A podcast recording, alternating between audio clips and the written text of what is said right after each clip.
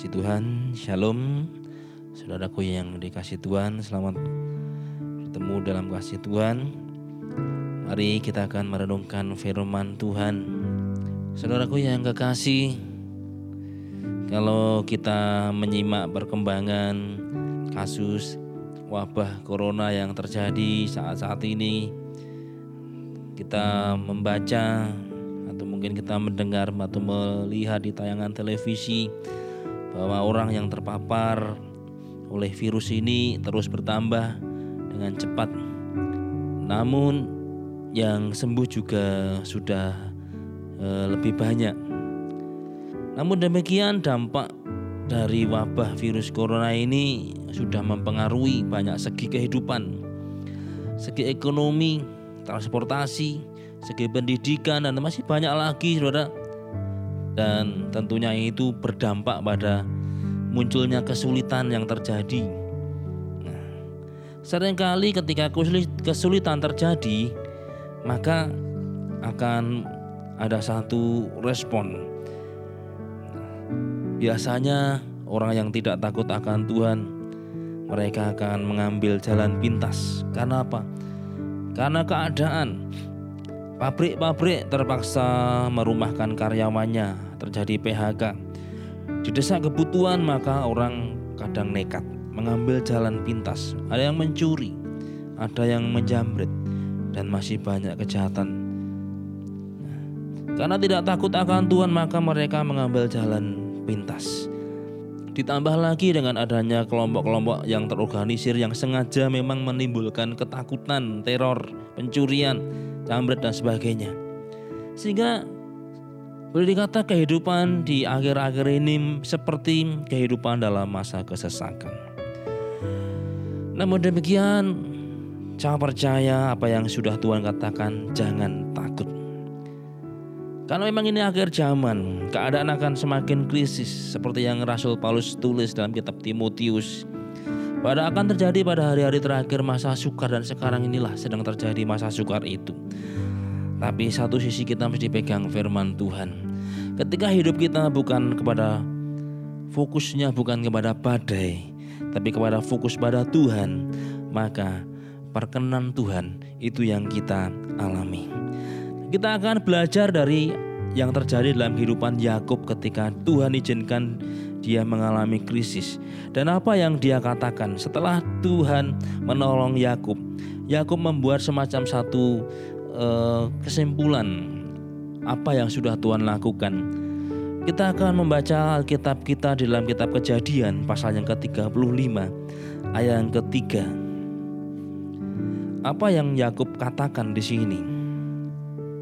Kejadian pasal 35 ayat yang ketiga.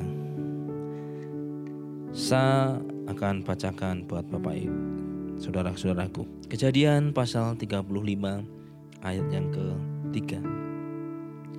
Firman Tuhan mengatakan demikian, marilah kita bersiap dan pergi ke Betel. Aku akan membuat mesbah di situ bagi Allah yang telah menjawab aku pada masa kesesakanku dan yang telah menyertai aku di jalan yang ku tempuh. Yakub berkata kepada orang-orangnya, pada keluarganya, "Mari sekarang kita ke ke Betel."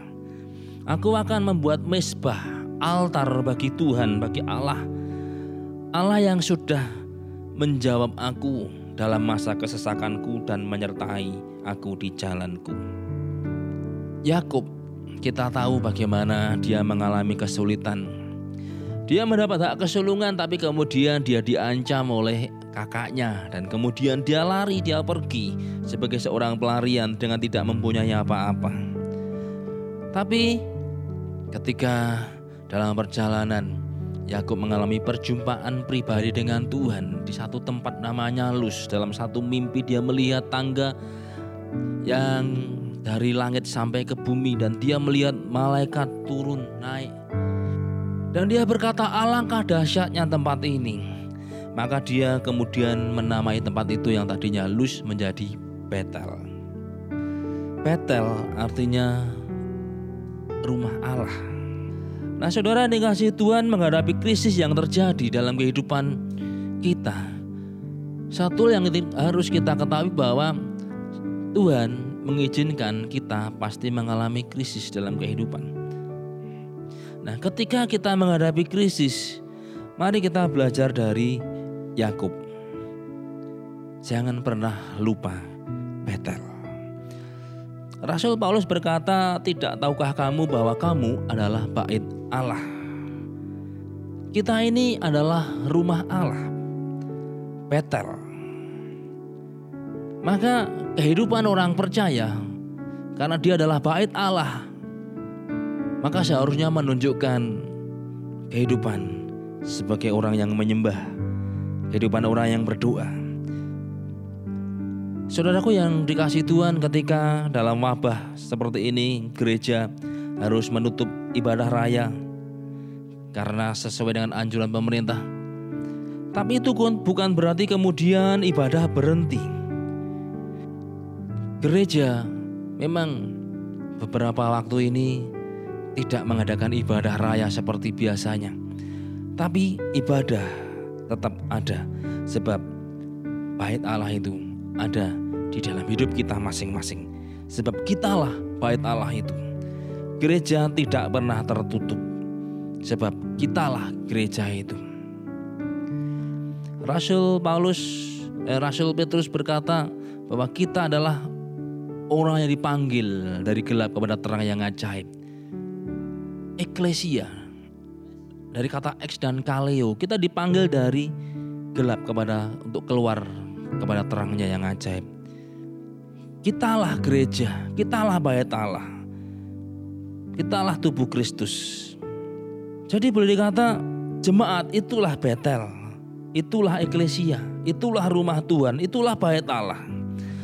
Maka menghadapi krisis yang terjadi saat-saat ini mari kita fungsikan hidup kita sebagai bait Allah. Kalau tadinya aktivitas gereja itu ada di satu gedung.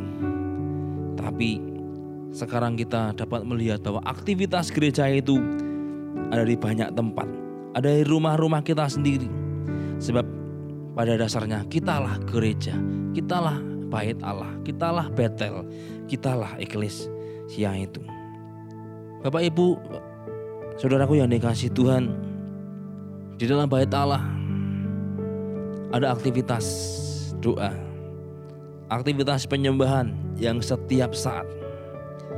Kalau kita melihat gambaran bait Allah pada zaman perjanjian lama, ada ruang-ruang di dalamnya ada ruang kudus, ada ruang maha kudus. Di dalam ruang maha kudus ada tabut perjanjian dan ada di situ juga di ruang kudus ada mesbah dupa. Karena kita sebagai bait Allah, maka menghadapi krisis ini yang paling penting adalah menjaga keintiman, kedekatan dengan Allah dan terus menaikkan penyembahan dan doa setiap saat. Boleh dikata altar gedung gereja sudah berpindah ke rumah kita, ke dalam hidup kita, karena kitalah bait Allah itu. Maka mari jemaat Tuhan, anak-anak Tuhan kita bangun satu kehidupan yang menunjukkan aktivitas bait Allah. Ada penyembahan, ada doa, ada keintiman dengan Tuhan. Karena kitalah Betel. Nah, yang kedua, Yakub juga berkata bahwa Allah mendengar seruannya.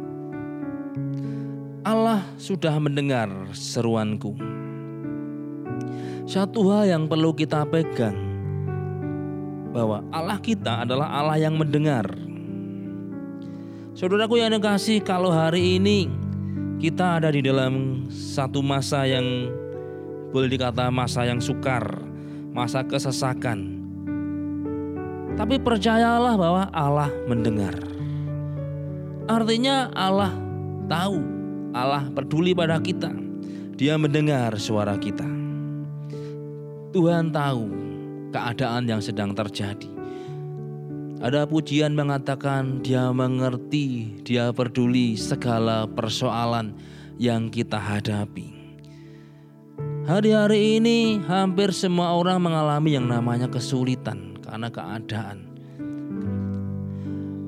Coronavirus disease 19 memaksa orang tidak bisa beraktivitas. Pendidikan harus dilakukan dari rumah. Banyak pabrik-pabrik harus merumahkan karyawan. Ada yang di PHK yang namanya THR diberikan sampai dicicil empat kali. Itu pun yang masih kerja. Nah kalau yang sudah dikeluarkan bagaimana? Menurut apa yang disampaikan oleh pemerintah Provinsi Jawa Tengah yang pernah disampaikan Dikatakan kurang lebih di Jawa Tengah ini Ada puluhan ribu karyawan yang harus di PHK. Ada pabrik tidak bisa beroperasi karena tidak bisa mengimpor bahan baku sebab bahan bakunya diimpor dari Tiongkok dan di sana tidak bisa mengekspor sehingga memaksa pabrik itu berhenti. Nah, saudara dikasih Tuhan,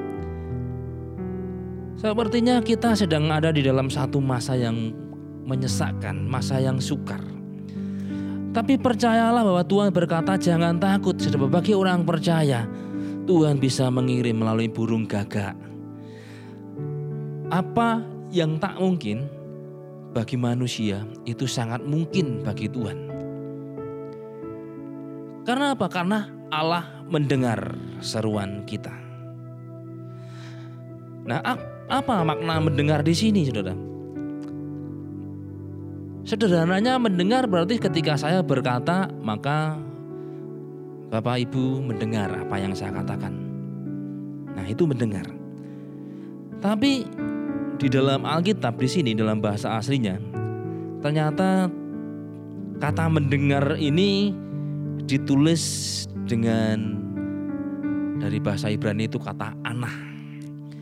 Secara umum mendengar itu ditulis dengan kata syama. Tapi kita kejadian ini kata mendengar ketika diterjemahkan oleh Lembaga Alkitab Indonesia dalam terjemahan baru ini adalah penerjemahan dari kata anah. Nah, anah itu artinya menjawab. Kalau misalkan saya ngomong berkata kepada seseorang, saya bertanya, orang itu dalam catatan kalau dia tidak mengalami tunarungu.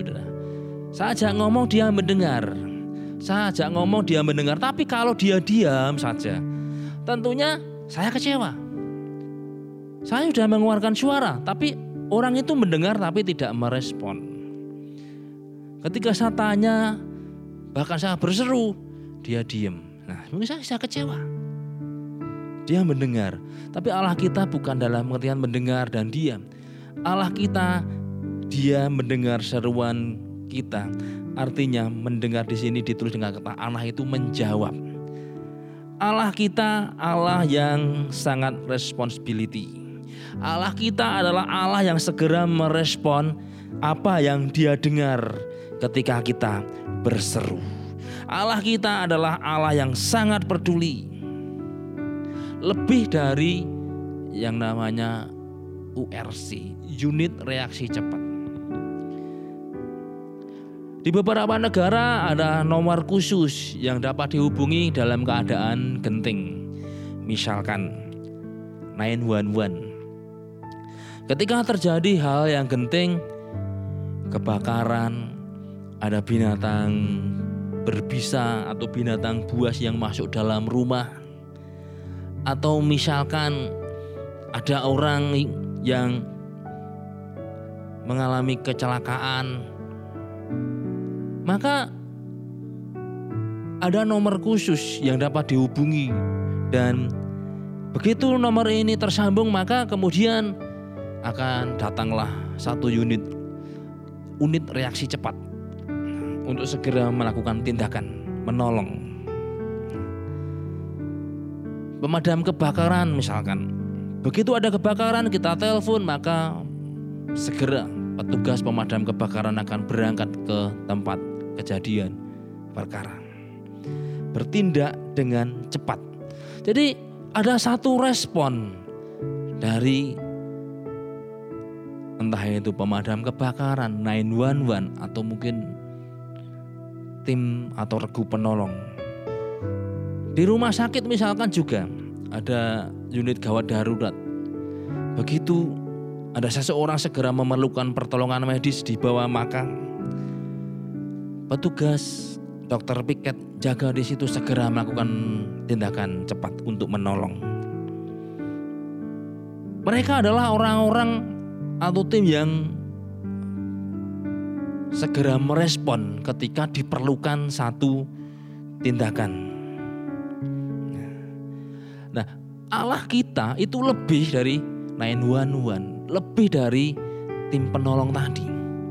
Begitu kita berseru sebenarnya Allah itu segera merespon. Allah kita adalah Allah yang anah.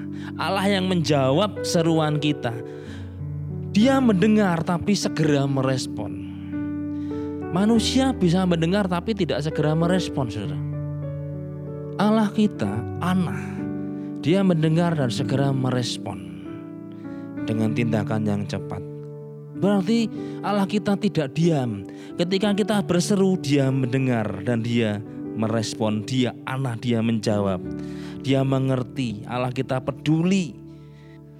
Kita sebagai orang tua, kalau anak kita sakit atau mungkin kakinya tersandung misalkan, kita segera merespon. Kita pegang kakinya, kita cium dia, kalau mungkin sedikit berdarah kita ambil tansoplas, kita segera merespon. Allah lebih lagi. Begitu Tuhan mendengar seruan kita, dia merespon. Segera menolong. Nah, saudaraku yang kekasih, hari ini Tuhan izinkan dunia mengalami krisis. Terjadi PHK, tindakan tindak kriminal juga terjadi di mana-mana. Orang mengalami yang namanya ketakutan. Tapi percayalah, sama seperti Yakub, ketika dalam masa kesesakannya maka Allah merespon. Allah yang disembah Yakub adalah Allah yang sama yang kita sembah yang juga akan segera merespon. Saat Yakub lari dari Esau, di tengah perjalanan dia langsung ditemui oleh Tuhan. Dia melihat tangga yang turun dari langit. Dan dia melihat malaikat-malaikat Tuhan turun, naik, turun, naik. Ketika Yakub dalam masa kesesakan dia diancam oleh kakaknya, dia lari. Saudara dikasih Tuhan, siapa pun orang kalau menghadapi keadaan seperti Yakub diancam akan dibunuh, itu menyesakkan. Dan Allah segera merespon Yakub. Dan selanjutnya kita lihat bagaimana Tuhan itu bekerja sebagai satu bentuk respon Tuhan kepada Yakub, maka Yakub ini disertai oleh Tuhan. Hari ini Tuhan izinkan kita mengalami krisis, keadaan yang terjadi di sekitar kita, di bangsa-bangsa, negara kita. Tapi mari kita pegang bahwa Allah yang merespon Yakub juga adalah Allah yang merespon seruan kita. Dia mendengar dan segera mengambil tindakan. Jadi Tuhan kita tidak pernah diam. Tuhan kita Tuhan yang sangat responsibility. Nah, ketika Yakub mengalami kesesakan, Allah merespon yang terjadi. Allah menyertai Yakub. Sama juga ketika kita mengalami yang namanya kesesakan hari-hari ini karena keadaan, karena wabah. Tapi kita percaya Allah menyertai kita. Kalau Tuhan berkata kepada Yakub, "Jangan takut," sama juga Tuhan sudah berkata pada kita, umatnya, "Jangan takut." Saudara dikasih Tuhan, mungkin kita tidak mengira orang-orang yang terpapar oleh virus corona ini yang tadinya pertama mungkin kita mendengar pertama wah masih di Wuhan jauh tapi kemudian di Jakarta mulai tapi siapa yang sangka kemudian daerah sekitar kita yang tidak jauh dari tempat tinggal kita tapi Tuhan berkata jangan takut Tuhan mengulang apa yang dia katakan jangan takut Mungkin keadaan akan semakin menggila. Tapi Tuhan berkata, tetapi kamu jangan. Kenapa? Karena Tuhan menyertai kita. Tuhan Yesus berkata, di luar aku kamu tidak bisa berbuat apa-apa. Kita ini sangat terbatas. Kita sangat tidak mampu. Tanpa Tuhan, saudara, kita sudah hancur binasa. Di tengah keadaan krisis, ada wabah, tapi kalau kita saat ini masih eksis, itu karena Tuhan. Karena ada penyertaan Tuhan. Dan ketika ada penyertaan Tuhan, maka penyertaan itu adalah penyertaan yang ajaib, penyertaan yang dahsyat. Nah, dampak penyertaan Tuhan dalam kehidupan Yakub kita melihat bagaimana Tuhan memberi kepada Yakub kekuatan Tuhan tinggal di dalam diri kita. Penyertaan Tuhan itu Immanuel yang menyertai Allah beserta dengan kita, Immanuel. Nah, ketika Allah tinggal dalam diri kita, maka Allah pertama akan memberikannya namanya kekuatan, kemampuan kepada kita. Ketika Tuhan di dalam kita dan kita di dalam Tuhan, maka Tuhan juga akan menguatkan kita.